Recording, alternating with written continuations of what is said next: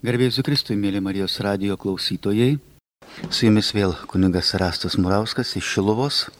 Tęsiam mūsų laidų ciklą apie šventosios dvasios dovanas. Gal kažkam pravers besiruošiant sutvirtinimo sakramentui susipažinti, ką iš tiesų aš gaunu.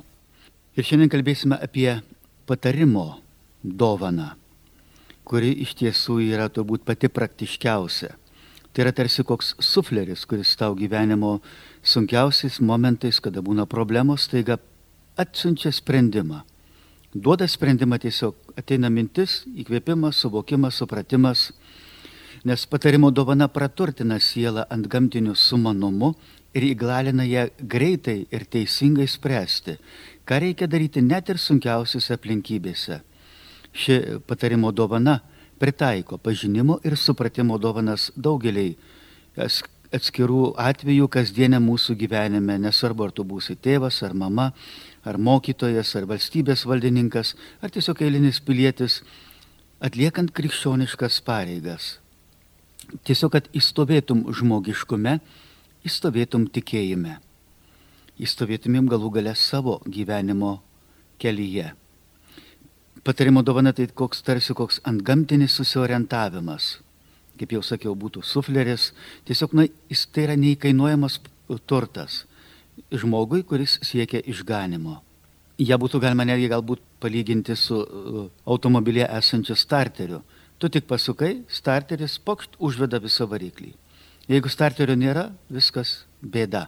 Taip ir mūsų gyvenime, jeigu neturim tos patarimo dovanos, tiesiog tada tose gyvenimo momentuose mes užsispazmuojam, užsiblokuojam, baimė, neviltis, pasimetimas. O šita dovana padeda, kad mes tiesiog neužšaltumėm. Neužšaltumėm, nesustingtumėm, bet toliau eitumėm. Tai tuo pačiu yra tarsi mobilus ryšys e, mūsų gyvenimo kelyje su Dievu. Kai pasiklysti, kai nežinai kur, tada tiesiog kreipiesi į šventąją dvasę ir tau ateina atsakymas, suvokimas, kažkoks problemos sprendimas, kad ir kas bet atsitiktų. Turbūt čia gal teologijos reikia mažiausiai šitai šventosios dvasios dovanui. Čia yra tiesiog liudijimai. Kaip šita dovana veikia, yra liudijimai. Štai šiandien ir galėsiu jais pasidalinti. Įstojau kunigų seminariją, pirmieji metai 1997 Vroclave, Eucharistinis kongresas atvyksta popiežius Jonas Paulius II, Kauno kunigų seminarija organizuoja du autobusus, mes važiuojam į Vroclavą. Nuvykstam tenai, mus išmėto po šeimas, apsistojam pas tokią vieną šeimą, bendraujam su jų dukra, jinai mums ten maistą parūpina, kur kada keliaut, viską sudėlioja, programą pateikia. Nuostabu. Ir štai vieną dieną yra susitikimas su popiežium, tokioje Halio Liudova ten yra pas juos, nu, tokia milžiniška patalpa. Ir tenai susitikimas su popiežiu. Be abejo, ten bilietus gauna tik išrinktieji. Tai iš mūsų tų autobusų gavo tik tais be abejo biskupai, rektorius ir daugiau niekas. Mes klerikai normaliai galim, nu ką darysi, namie nesėdėsi. Tai su, aš su tokiu Jonu Cikana Šilkaviškio viskupijos, mes kartu buvom ten apsistoję ir ką darysi, nu tai ką sakom, keliaujam tenai, laukia yra ten tokie milžiniški ekranai ir tu gali matyti, kas vyksta viduje, negi dabar namie sėdėsi. Einamo ten neseniai buvo potvinis, mieste visos eismas sustabdytas, nes gatvės pilno žmonių tikrąją to žodžio prasme pilnos. Va taip į 10 kvadratinių metrų tikrai po porą žmonių drąsiai tenai yra. Ir einam, o ten neseniai buvo potvinis, žodžiu, einam palei upę, tai namų stogai, tai, tai kokie gyvuliai užputę, tai dar kažkas, žodžiu, voliojasi e, ant krantų, smagu pasižiūrėti. Einam ir tiesiog einam vieną gatvę plačią ir kertam kitą plačią gatvę. Ten žmonės maišos ir tiesiog aktomušą susidurėm su savo šeimininku dukra, kuri Mūsų ir klausė, kur keliaujat, sakom, į tą susitikimą su popiežiams. Tai sako, gal turit bilietus? Nesako, nejuokauk. Bilietus gavo tik tais vyskupai ir rektorius. Sako, mano tėvai negali eiti. Va, štai turiu du bilietus, imkite, eikit. Ir nueina ten su drauge kažkokia. Mes kaip stabo ištikti, oho, įsivaizduoji, koks stebuklas. Maunam tiesiai dabar jau sparčiai, e, tenai, kad nepavėluot, nueinamo ten patek netai paprasta. Ten kaip aerouoste yra postai padaryti tokie didžiuliai kontūrai, kur žodžiu tave tikrina, ar neturi daiktų, atiminėja visokius skiečius, buteliukus, visą kitą atiminėja, fotoaparatus ir tuo pačiu tikrina, ar neįsineši kokio nors ginklo, nu eini per tą kontūrą, ten jis zvimbia ar nezvimbia, priklausomai nuo to, ką turi kišenėse. Ir ten tokias didelė eilė, laukia dvi eilės tokios didžiulės. Ir mes su Jonu prie vieno įstovim, jau krikštojom iš laimės, kad tuoj susitiksim su popiežium, kaip išrinktieji viešpaties. Visi klerikai nenais, o mes dviesi naisim. Ir žiūrim, kad ne visus praleidžia. Vienos vienuolės, kurios nepraleido, jinai grįžta, tai sako, kam šaknys? Sakom, bilieto neturėjai, ne, sako, bilietą tai aš turėjau, bet nepasėmiau paso. Ir man taip šilta pasidaro, čiup, čiup, čiup, Be abejo, mano pasas kur, o ten namuose. Vadinasi, valanda kelio atgal. A, sakau, Jonai, žinai, aš neturiu dokumento ir tikrai nepraleis. Ką daryti? Sakau, lėkiu, žinai, ieškosiu, gal ką nors iš saviškių susitiksiu, atiduosiu bilietą, nu kad nepražūtų. Vis tiek tokia, toks šansas. Jonas sako, palauk, sako, atsimeni kuniga Tardifą prisimenu, buvo atvykęs į Kauną kunigas Tardifas, kuris turėjo tą vidinio išgydymo dovaną ir tuo pačiu darė ten visokių kitokių šventosios dvasios dovanų. Jis turėjo jų apsčiai ir jis pasakojo savo liudijimą, kaip jis sugalvojo važiuoti į Ruandą ir, žodžiu, kad ten galėtų pasitarnauti žmonėms. Tikintiesiems, krikščionėms, krikštį tuokti, mišęs aukoti ir visą kitą išpažinčių klausyti, laiminti. Ir toks įkvėpimas jam atėjo, jis ruošiasi, bet niekaip negali susitvarkyti savo dokumentų. Negauna nei vizų, nei bilietos, nieko negauna. Susinervavo, atsistojo prie kryžių grįžęs namo, išsima visus dokumentus, padeda į stalčių, įsitraukia užrašų knygelę, nueina prie kryžiaus ir kalba tokią maldą. Žiūrėk viešpatie, jeigu tau reikia, kad aš nuvažiuočiau į tą šalį, ten tau tarnauti, va pasiimu šitą užrašų knygutę ir einu tvarkyti visų reikalų, dokumentų, popierių ir taip toliau. Jeigu tau reikia, sutvarkysiu. Jeigu ne, tai ne puikybė. Tai yra tiesiog iš tiesų mato, kad nieko nesigavo, viską darė sąžininkai, teisingai nesigavo. Ir ką jūs manot, nuvažiuoja, apsigyvena už poros metų, tiesiog kadangi ten karinė padėtis, vaikščioja po gatves kareiviai, tikrindami dokumentus, vieną kartą jį tiesiog sustabdo automobilį, ar ten lempa kokia nedegė, ar ar šiaip tiesiog buvo kažkoks eilinis patikrinimas ir prašo dokumentų. Tai sako, neturiu. Sako, tai teisų neturi, neturiu teisų. Tai o šiaip dokumentus asmens turi, ne, neturiu. Tai sako, namuose turi, ne, sako, visai neturiu. Ir tada jau žinoma, tempė jį tenai jau instancijas, saugumas ir visi kiti ten turbūt gal kažkam ir galva nulėkė, kad va čia įsivaizduokit, į jų šalį tokią situaciją karinė padėtis, o pilietinis karas, o čia vaikelė kunigas be jokių dokumentų atvažiavo, įlindo ir savo du metus gyvena, siaubas. Tai galų gali paskui tie saugumiečiai klausė, sako, tai kaip tu praslinkai, kaip tu praeidavai visus tuos patikrinimus. Jis įsitraukė, parodo savo užrašų knygelę, sako, štai štai šitą. Tuo metu, kai aš paduodu pareigūnui, jis ją paima ir tada kažkas įvyksta. Kažkas paskambina, kažkas atneša kavą, atėjo kažkoks tai faksas, staiga kažkas nukrito, vėjas paputė, durys atsidarė, dar kažkas žodžiu, kažkokį kolegą kažko paklausė ir tas žmogus atsitraukė, įsprendžia aną problemą, susitvarko ir tada, kai grįžta atgal, jis jau įsivaizduoja, kad jis jau susitvarkęs, kad tos dokumentus patikrinęs, užpildo reikiamus popierius ir atiduoda ten, ką reikia tau. Registracija, teisės, ar dar kažką viską, ko tau reikia, jis tiesiog atiduoda. Nu, žinot, klausyti vieno istorijos yra vienas dalykas, bet pačiam, nu čia tas dalykas tikrai nepraeis. Bet Jonas sako, o tu pabandyk. Nu, pabiški viduriai skystėja, nes vis tiek, nu, afera. Ir prieinu, ir ką jūs manote, žodžiu, paduodu aš jam, bet taip neturiu ką paduoti. Bet kišeniai turiu naująjį testamentą. Gedeono brolių, tokį mažiuką, mėlyną, jis visai ne paso formos, bet nesvarbu. Ir daug storesnis be abejo. Įdedu bilietą, ir paduodu šitam pareigūnui. Ir tada kažkaip sąmonė aptemsta. Toks pusiau samoningas. Kaip kokių narkotikų, nors nežinau kaip tai atrodo, bet kaip narkozė atrodo, žinau. Tai va kaip narkozės metu. Ir viskas kaip sapne. Jis įsitraukia bilietą, perskaito, pasižiūri, kad tikrai bilietas į šitą renginį. Ir jau, žodžiu, bilietą pasideda, pasiruošia, žodžiu, jau atsiversti tą mano naująjį testamentą, ale pasą. Ir tuo metu kitoj eiliai ten kažkokio vyskopo nepraleidžia. Botas irgi nepasijėmė dokumentų, bet ten kiti krūva vyskupų eina ir Lenkai, žodžiu, jie taip sakant, ten visi šiaušiasi, bet žinot, tvarka yra tvarka. Ir matomai tas, kuris tikrino mane, buvo vyresnysis pagal antpečius. Jis sako, Zaras počekai, Zaras brūcam. Žodžiu, truputį palauk, sako, tuoj grįšiu, pasiima mano tą bilietą, e, ir nueina tenai. Sutvarko įsprendžia reikalą, o aš stoviu kaip stabo ištiktas. Visokios kvailos mintys, areštuos, uždarys, e, visą kitą ir taip toliau. Jis ateina, dar kartą įsitraukia tą bilietą, dar kartą jį perskaito ir atiduoda kartu su tuo naujojų testamentu. Sekantis. Viskas, aš stoviu ir dar netikiu. Netikiu, kad taip gali būti. Žiūri, tikrina Joną, be abejo, ten atsivertė mano draugą atsiverčia pasą, patikrina, kad būtų viza įvažiavimo, registracija ant spaudukas ant sienos, pasižiūri į nuotrauką, ilgai žiūri į veidą, ar tikrai tas žmogus, ar ne tas žmogus.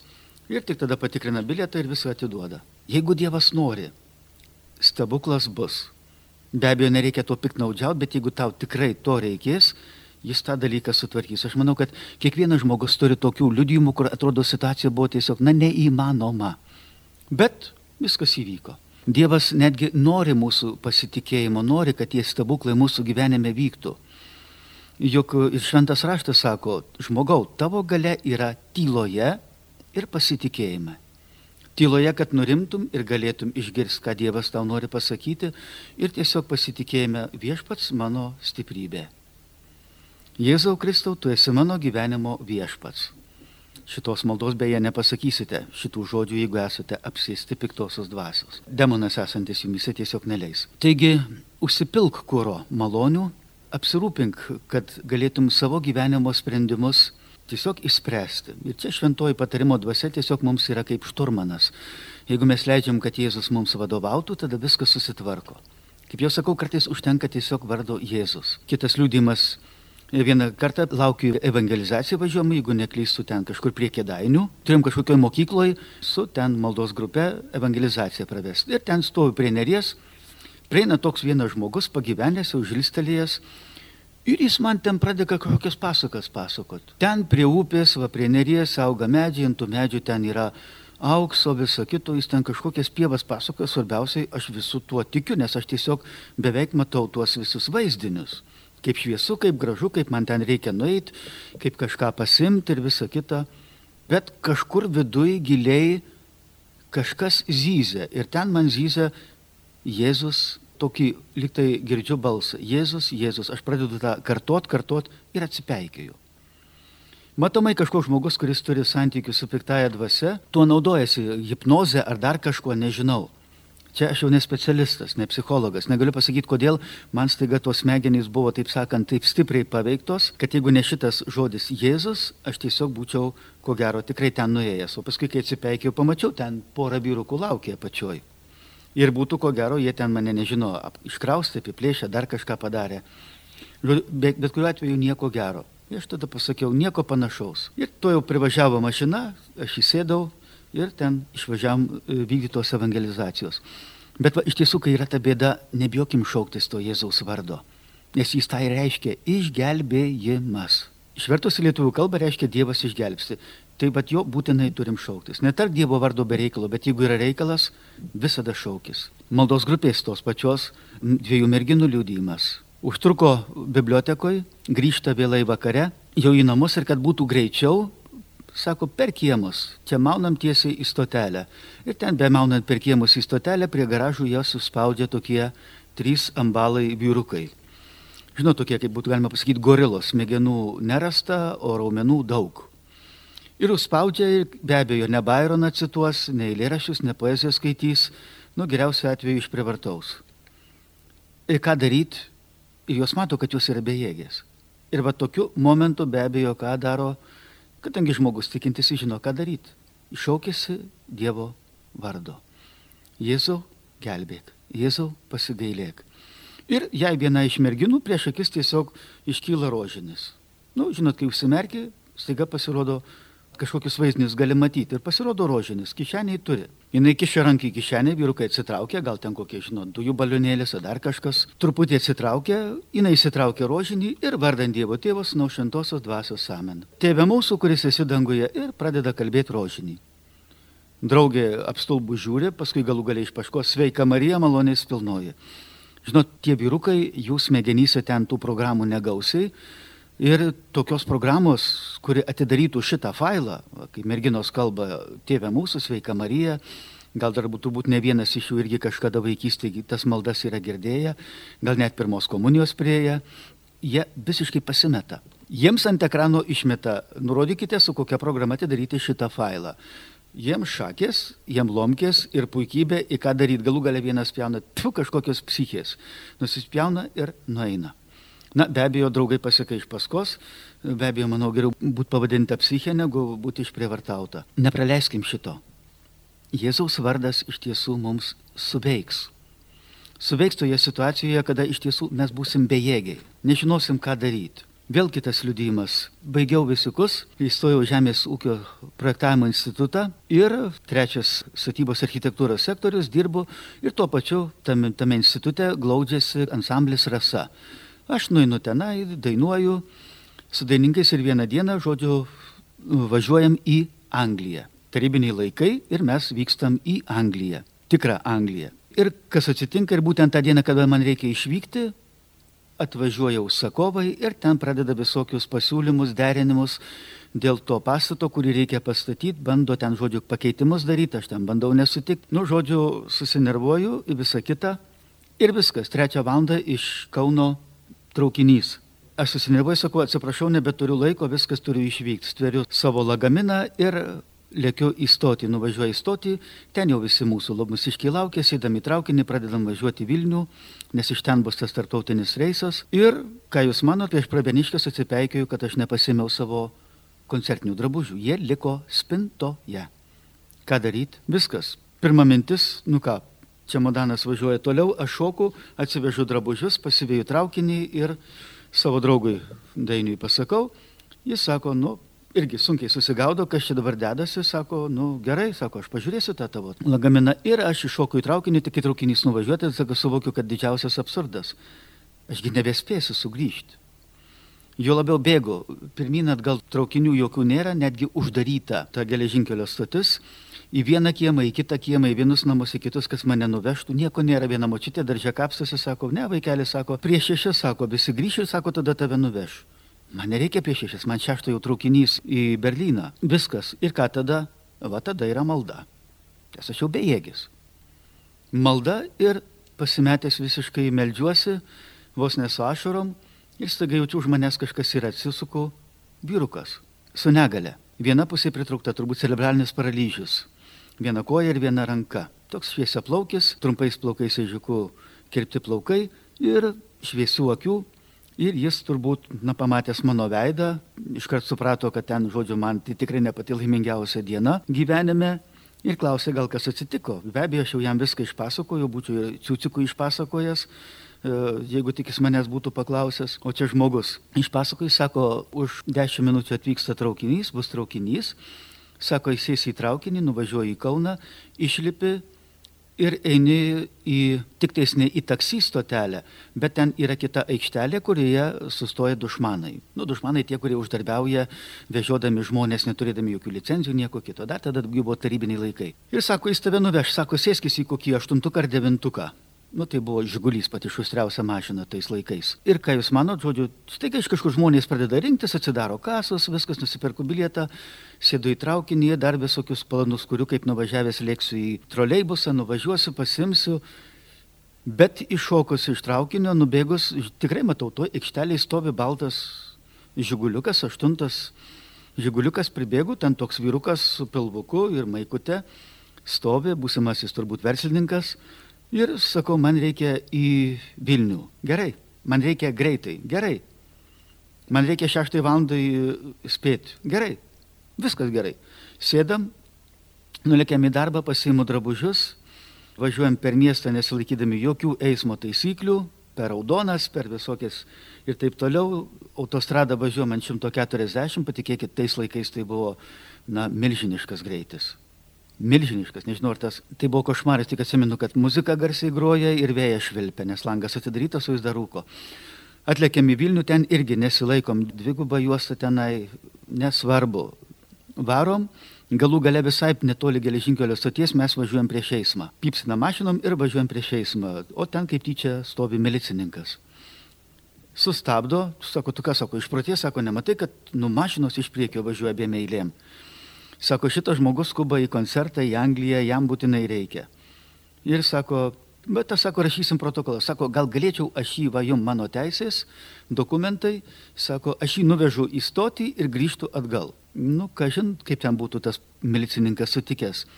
Aš jau vėl meldžiu Dievę, sakau, Dieve gelbėk. Ir tas milicininkas paima dokumentą, sako, laukiu. Bet sako, dabar jau važiuoju pagal eismą. Jis mane nuveža geležinkelio stotį, vėl ta pati situacija. Įsivaizduokit, tuščia, nieko. Vilnius, sostinė, geležinkelio stotis, tuščia, nieko. Kioskai, viskas uždaryta, valytoje tik tais kažką valo. Košmaras, siaubas. Ir svarbiausia, jokio traukinio į tą, į tą Berlyną nėra. Nu tikrai nėra jokio traukinio tose visose lentelėse. Leidžiuosi žemynį, po žemynį tą išbėgo į tą jau į peroną, kur traukiniai stovi. Nėra tokio traukinio. Kaliningradas, Minskas, Maskva, Talinas į jokį Berlyną nėra. Vienas traukinys pradeda judėti, žiūri, kuris važiuoja Varšuvą. Nu, Varšuva pagal geografiją į tą pusę. Jo traukinys baigia pravažiuoti, su tais drabužiais lipu į paskutinį vagoną, na, o ten tarybiniais laikais visą laiką važiuodavo kas? Milicininkas. Ir jis be abejo mane pasitinka, prisistato, sako, ko nori. Sakau, man reikia važiuoti į, į Angliją koncertuoti, rodau drabužius. Sako, turi pasą? Nesakau, neturiu, nes pasus surinko vadovai, kad mes žiopliai nepaliktumėm jų. O tai sako, bilietą turi? Nesakau, neturi bilietai. Aišku, irgi pas vadovas, kad mes žiopliai jų nepaliktumėm, kartais namuose neužmirštumėm. Jie padarė labai apdairiai, bet šiuo atveju, tai sako, važiuoji be dokumentų, be nieko, be bilieto į Angliją koncertuoti. Nu, sako, gerai papasakok čia, babutei. Ir mane stumia atgal, aš laikausi už rankinų, pirmin, atgal, pirmin, atgal. Va taip ir sportuojam. Galų galės mato mane nehumaniškai išmes, nes traukinys pervažiuos, paskui negalės jis naktį užmigti, matydamas mane sumaitota. Įsitraukė, sako, gerai, važiuosim per Alytų, o ten tavo žiniai yra griežto režimo darbų pataisos kolonija. Ir sako, ten ir praleisi 30 parų. Sako, jeigu man perėjus šitą traukinį neparodysi bilieto ir paso. Nu, labai konkretus dalykiškas reikalas. Aš nežinau, čia tas traukinys. Greičiausiai, kad ne. Nu, maža to, kad neišvažiavau Angliją, dar ir atsisėsiu į kalėjimą. O, neblogai biografijoje įrašas bus. Sėdėjo, teistas už huliganizmą. Einam, einam, einam per tuos visus vagonus, nėra, nėra, nėra, nėra, nėra, nėra. Jis jau patenkintas pasiėmęs tuos antrankius, jau suka. Sako, žiūrėk, sako, paskutinis vagonas. Aš žiūriu, dar ten langas atidarytas, sako, jeigu dabar šokčiau, su tais drabužiais ten tokie krūmai auga, sako, gal neužsimuščiau, bet kiek apsibrozdinčiau, geriau gulėti ligoniniai, negu kad kalėjime sėdėti. Bet atidarom tą vagoną, o ten pasirodo mūsiškiai. Visas vagonas važiuoja į Berliną traukinys į, į Varšuvą, o šitas vagonas važiuos į Berliną. Tiesiog visa su visais instrumentais, su visais žmonėm, miegančiais, valgančiais, anegdotus pasakojančiais, visus atkabina ir ten Varšuvai prikabina prie kito traukinio Varšuva Berlynas. Toks įdomus variantas, tokio nebuvau žinojęs. At kas buvo tas žmogeliukas, kuris man viską supasakojo, kaip bus, kas atsitiks, kaip reikia ką daryti. Nežinau, gal tai buvo angelas, bet, bet tiesiog reikėjo tos maldos, to pasitikėjimo ir Dievas, na, davė sprendimą. Jis visą laiką duoda. Ir kartais Dievas labai mėgsta išbandyti mus. Ta šventoji patarimo dvasia labai įdomiai kartais veikia. Vieną sekmadienį po mišių šventajame Antane, ir dar tada buvau klierikas, grįžtų į seminariją ir išlipu vieną stotelę per anksti. Kai išlipu, atsipeikėjau, sakau, nu čia dabar kas per nesąmonę, jau visai man stogas važiuoja. Išlipu ir keliauju, žodžiu, tada šitą Nemuno krantinę keliauju į, nu kur, į seminariją. Ten palei krantą, pro Vytautinę ir sakau, per aikštę nueisiu į... Ir žiūriu prieki toks žmogeliukas eina, ryškiai prisisprogęs, gerai prisisprogęs. Nes kietrojasi per visą šaligatvį ir net į gatvę išeina, o ten krantiniai mašinos važiuoja greitai. Ten buvo leidžiamas didesnis greitis ir mašinos lėkdavo greitai. Nusakau, matai, dar kažką pervažiuos, kažkas pervažiuos tą žmogieną, nu ir turės didelių problemų. Aš dar praeidamas po jį, aplenkdamas, taip sakant, išpasakoju, ką aš apie jį galvoju, apie jį, apie alkoholį, apie priklausomybės, apie latrus ir taip toliau. Nu, išdedu į šuns dienas, gal be rušiskų žodžių, nežinau, bet tai gal ir buvo. Ir einu patenkintas atlikau šventą reikalą. Taip sakant, subariau, pamoralizavau. Bet jaučiu kažkas negerai. Nu, galvoju, gal per mažai aš ant jo reikiau. Grįžtų žodžiu atgal dar pasiruošęs žodžiu pridėti kažką papildomai. Bet paskui kažkoks įtarimas yra. Sakau, tu nematai, kad sakau, į gatvę išeisi, tu pervažiuosi. Jis sako, skauda. Pauostau, nu nesmirdi. Pasirodo žmogui, kas tenai skrandžio priepolis, jis neišgėrė vaistų, ilgiau užtruko mieste, užstrigo kažkokioj tai vietoj ir jam, taip sakant, pasidarė bloga. Jis turi būtinai spėti išgerti vaistus, kad, taip sakant, atsigautų. Sakau, kur tu gyveni? Sako, ten, ant Aleksoto kalno, pirma stotelė, mano namas prie pat stotelės. Ką tada darau, iš žodžių sako, o jis sako, aš jau nematau kelio. Taip skauda, jis eina, eina iš skausmo susirietęs. Išeinu, susistabdau, žodžiu, tenai mikroautobusą, mikrūškę, kuri pražiuoja, duodu vairuotojui litą, nes jis ten jau nesusigraibo, sakau, jį išleiskite tenai ant kalno pirmoji stotelė. Ir be abejo, ten žmogus turbūt parvažiavo namo, išgėrė tuos vaistus ir atsigavo. Nežinau, gal tuo metu reikėjo greitai, bet dar tada nebuvo jokių mobilių, nieko. Ten jau, manau, namiškiai pasirūpins, žino turbūt, ką daryti. Tai va taip kartais iš tiesų Dievas mums nu stuktelna. Reikia tik įsiklausyti į jį. Ypač va, kunigui va, tas klausyklos fenomenas, kaip labai dažnai būna šventoji patarimo dvasia suveikia. Klausaisi žmogaus, Ir staiga pradeda tokia zyst mintis - nepykanta, nepykanta, nepykanta.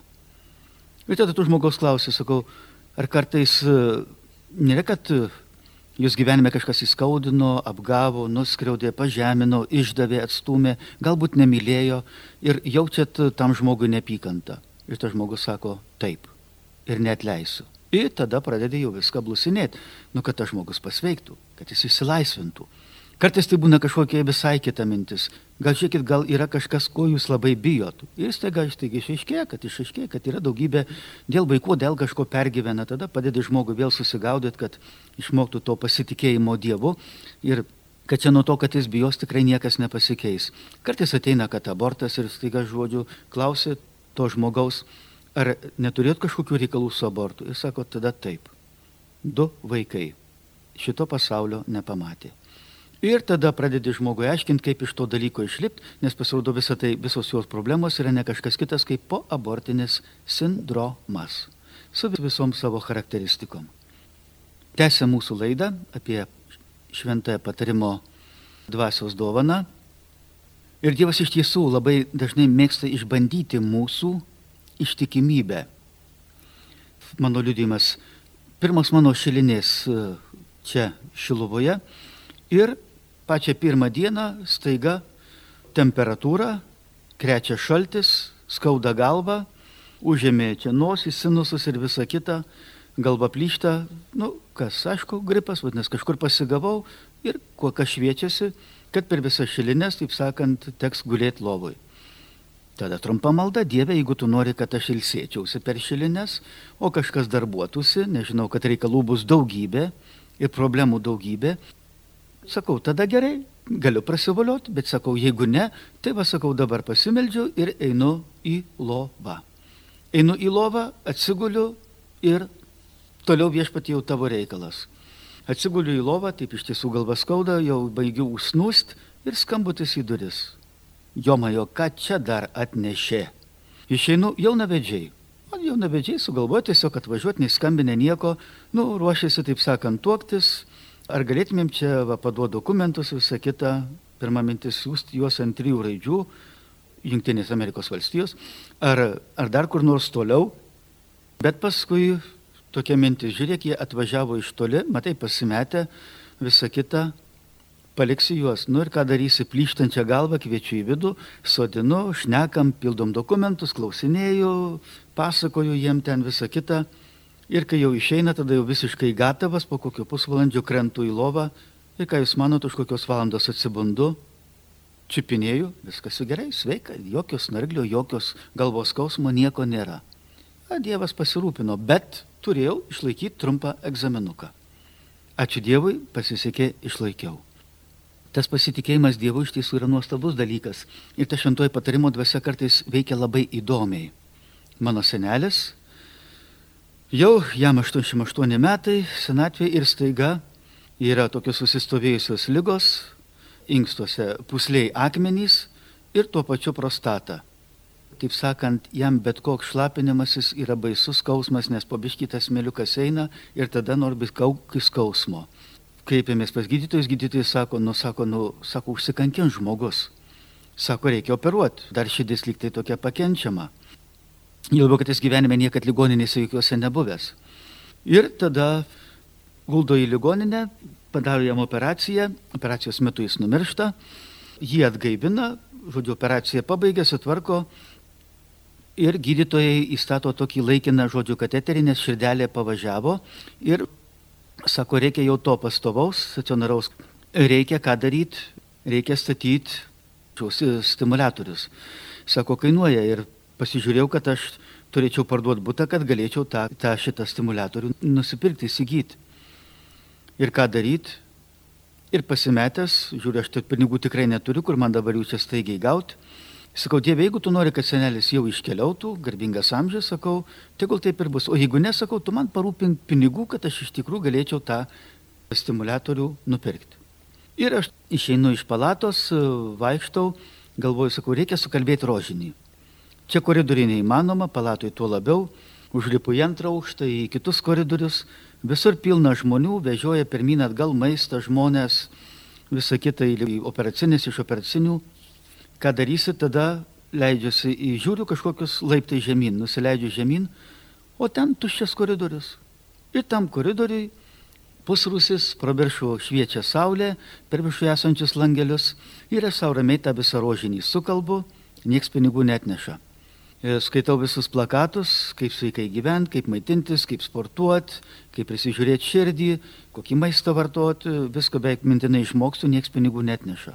Nebėra ką veikti, skaitau ant durų užrašus. Kur koks gydytojas, kada dirba, kada atostogauja, visa kita, kokios valandos, nes jau nebėra ką daugiau skaityti. Skaitau ir tada prieinu prie vienų durų, skaitau, o, pažįstamas vardas, pažįstama pavardė. Su vienu tokiu mokiausi vaikų dailės mokykloje. O kitas, o su kitu mes, kad tu ansamblį dainuojam. Nu geras. Sakau, negali būti, žiūriu, kada jis dirba.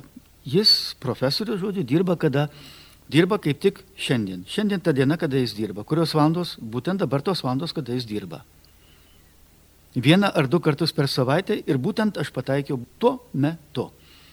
Nu, susinervavęs barbenu į duris, Atidarau duris, akurat sėdi jisai, ten dar kažkokia moteriškė, pasidėjo popierius ant stalo, kažką tvarko. Pasirodo, jis ten kažkokią disertaciją taiso, konsultuoja tą būsimąją daktarę ar licenzijatę, nežinau. Ir jis be abejo dar labiau nustebęs negu aš. Užeinu, jis mane sodina, žodžiu, šnekamis, aš pasakoju visą situaciją. Jis e, tos moters paprašo, jinai verda kavą, palieka mane, sako, trumpam, sako, pabūkit, sako, aš tuoj grįšiu. Jis ten kažko nulėkė, grįžta atgal, sako, tai sako, tavo senelį išvežė. Man tokia mintis vėl numirė. Ne, sako, išvežė dėti stimulatorių. Sakau, gal tu nesupratai, aš neturiu pinigų tam stimulatoriui. Sako, ir nereikia, sako, mes turėjom šitų dar, gaunam visokios labdaros iš užsienio, visokių lovų ten, protezų ir viso kito, gaunam ir stimulatorių, ir vaistų visokių gaunam. Kaip tik, sako, buvo vienas likęs. Sakau, tavo senelį įdėsim. Ir įdėjo, ir senelis dar gyveno, ir dar 94 metų sulaukė, tik paskui numirt buvo sunku su tuo stimulatorium, nes, nu, patys suprantat, širdis neišsijungia, jinai veikia. Tai va tiesiog jis mirė tą pačią mirtimi kaip ir Jėzus, užduso. Taigi Dievas mėgsta iš tiesų mums daryti stebuklus ir jis juos norėtų daryti. Tai dar vienas liudimas su vaikais, Švento Antano vaikais, dičkiais važiuojam prie Dusos ežero. Pažiūrėjom, ten labai geras vanduo, patogu prieiti, visa kita, nuostabu. Ir nuvažiuojam su jaunimu, su autobusiuku ir ką jūs manot, o ten siaubo filmas. Tikrai to žodžio prasme siaubo filmas. Einam visą pakrantę, o jinai ten nušnerkšta. Ne tai, kad nušnerkšta, tai nieko tokio gali susitvarkyti, bet ten pilna žmonių. Žmogus prie žmogaus, netgi tokį vaizdą teko matyti, foteliai, stalas, aparatūra ir aparatūra ant viso garso, žmonės sėdi, gurkšnoja, truputį porą metrų paėjęs įsioja, vemia ir visa kita. Įsivaizduokit dabar stovyklą visą savaitę gyventi tokiuose sąlygose. Saubas. Visiška neviltis, katastrofa. Belieka tik tais kokia mintis, nu, išdalinai vaikam maistą, važiuojam namo ir paleidžiam namo, nieko nesigavo. Bet sesuo Pranciškonė Loreta, Eufrazina, jeigu neklystu, vienuoliškas vardas, jinai sako, melžiamės. Paimam rožinį, einam tą pakrantę ir melžiamės, gal Dievas suras kažkokią vietelę. Nes mūsų vaikų nemažai, mums trys palapinės, nu mes niekaip neįsitenkam. Žodžiu, kelelis baigėsi, jau ten kažkokia rėva, upeliukas kažkoks išdžiūvęs ir dilgelinas. Bet kažkada būta kelio. Nu, mes einam per tą dingeliną, toliau melžiamės rožinį ir ką jūs manot? Prieinam fantastišką vietą trys maudyklės, palenkęs beržas, gali nuo jo šokinėti į vandenį, jo, o paskui jau toliau kelias iš tikrųjų baigėsi, nes prasideda pelkė. Tikra pelkė. Viskas grįžtam atgal, susirenkam vaikus, ateinam, sugrįžtam ir turim visą savaitę, girdim ten kažkur bumsikai, kažkur riekauja ir viso kito, pas mus tyla, ramybė ir turim nuostabę stovyklą. O tiesiog reikėjo tos maldos. Reikėjo būti to visiškai beviltiškoj situacijai ir į Dievą kreiptis. Ir jis padarė stebuklą. Škotija. Nuvažiuoju su ansambliu, suvažiuojam autobusu į Škotiją, nuvažiuojam prie to e, Lochneso ežero. Nu, aišku, ten tos pabaisos nepamatom, bet labai gražus vaizdas, saulė, rūkas, tiesiog fantastiškos skaidrės gavosi su Zenito fotoaparatu padarytos, da, dabar jas turiu. Ir laimingas, taip sakant, grįžtu atgal, autobuso nėra. Aš stoviu Škotijos vidury, Mano daiktai, dokumentai, ant savęs turiu šortus, sandalus, kojinių neturiu ir turiu maikutę ir fotiką. Tiek reikalų. Nu, gal dar kryželis kabo ant kaklo. Viskas. O viskas. O jie paėmė išvažiavo, kadangi mes tenai neturėjom nuosavų vietų, tai, tai su vienais šnekėsi, pas kitus valgai, pas trečius anegdotus pasakoji ir visa kita. Žodžiu, mes ten maišėmės po tą autobusą, tai buvo tiesiog kaip koks kambarys didžiulis, kuriame, žodžiu, kas kur būna, tas ten užmygo, kas ten nesvarbu. Viskas, šakės, ką daryti. Va tada malda, aišku, irgi buvo tikra. Situacija beviltiška, skysti viduriai, baimės pilnos akės, siaubas, dar tada mobilių telefonų nebuvo, dar tai buvo tarybiniai laikai. Ir ką darysi? Viskas, malda. Nu ką tada, pirma mintis, eik ten, kur autobusas nuvažiavo. Prie to ažero jau tikrai tau pabaisa nepasakys, kur eiti. Einu, žiūriu, du senukai sėdi, jau tokie visiškai, vaikeli 90 su viršų metų. Termosiuką pasistatė, sausenukų pasidėjo buterbrodukų, sandvičių.